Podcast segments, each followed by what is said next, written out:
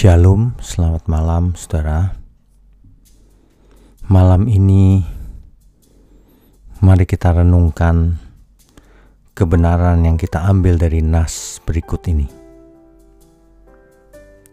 2 Korintus pasalnya yang kelima ayat ke-10 Demikian firman Tuhan Sebab kita semua harus menghadap tahta pengadilan Kristus, supaya setiap orang memperoleh apa yang patut diterimanya sesuai dengan yang dilakukannya dalam hidupnya ini, baik ataupun jahat.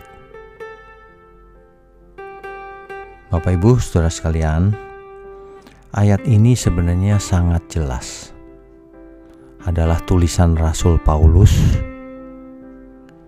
yang ditujukan kepada jemaat di Korintus. Jadi yang dimaksud sebab kita semua harus menghadap tahta pengadilan Kristus. Kita di situ adalah orang percaya, Saudara. Bukan orang yang tidak percaya. Nah, orang yang percaya pun semuanya nanti harus menghadap tahta pengadilan Kristus. Untuk apa? Untuk memperoleh apa yang patut diterimanya. Artinya perbuatannya selama hidupnya ini. Baik atau jahat.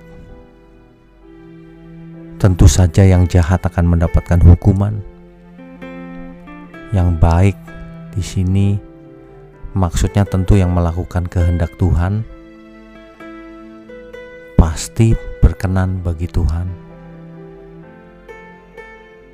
Ini adalah sebenarnya hukum yang sederhana saja sih. Bahwa setiap orang akan dimintai pertanggungjawaban. Hal ini sudah dijelaskan juga atau diajarkan juga oleh Tuhan Yesus.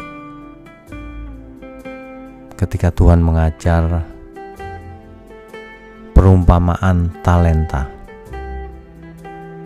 Bahwa ketika tuannya itu pulang artinya ketika Tuhan Yesus nanti datang kembali maka semua hambanya harus bertanggung jawab terhadap talenta yang ada pada dirinya. Jadi dengan kata lain semua hamba-hambanya ini akan dinilai satu persatu oleh sang tuan. Dinilai itu bisa pakai istilah dihakimi, diukur baik buruknya, dihakimi.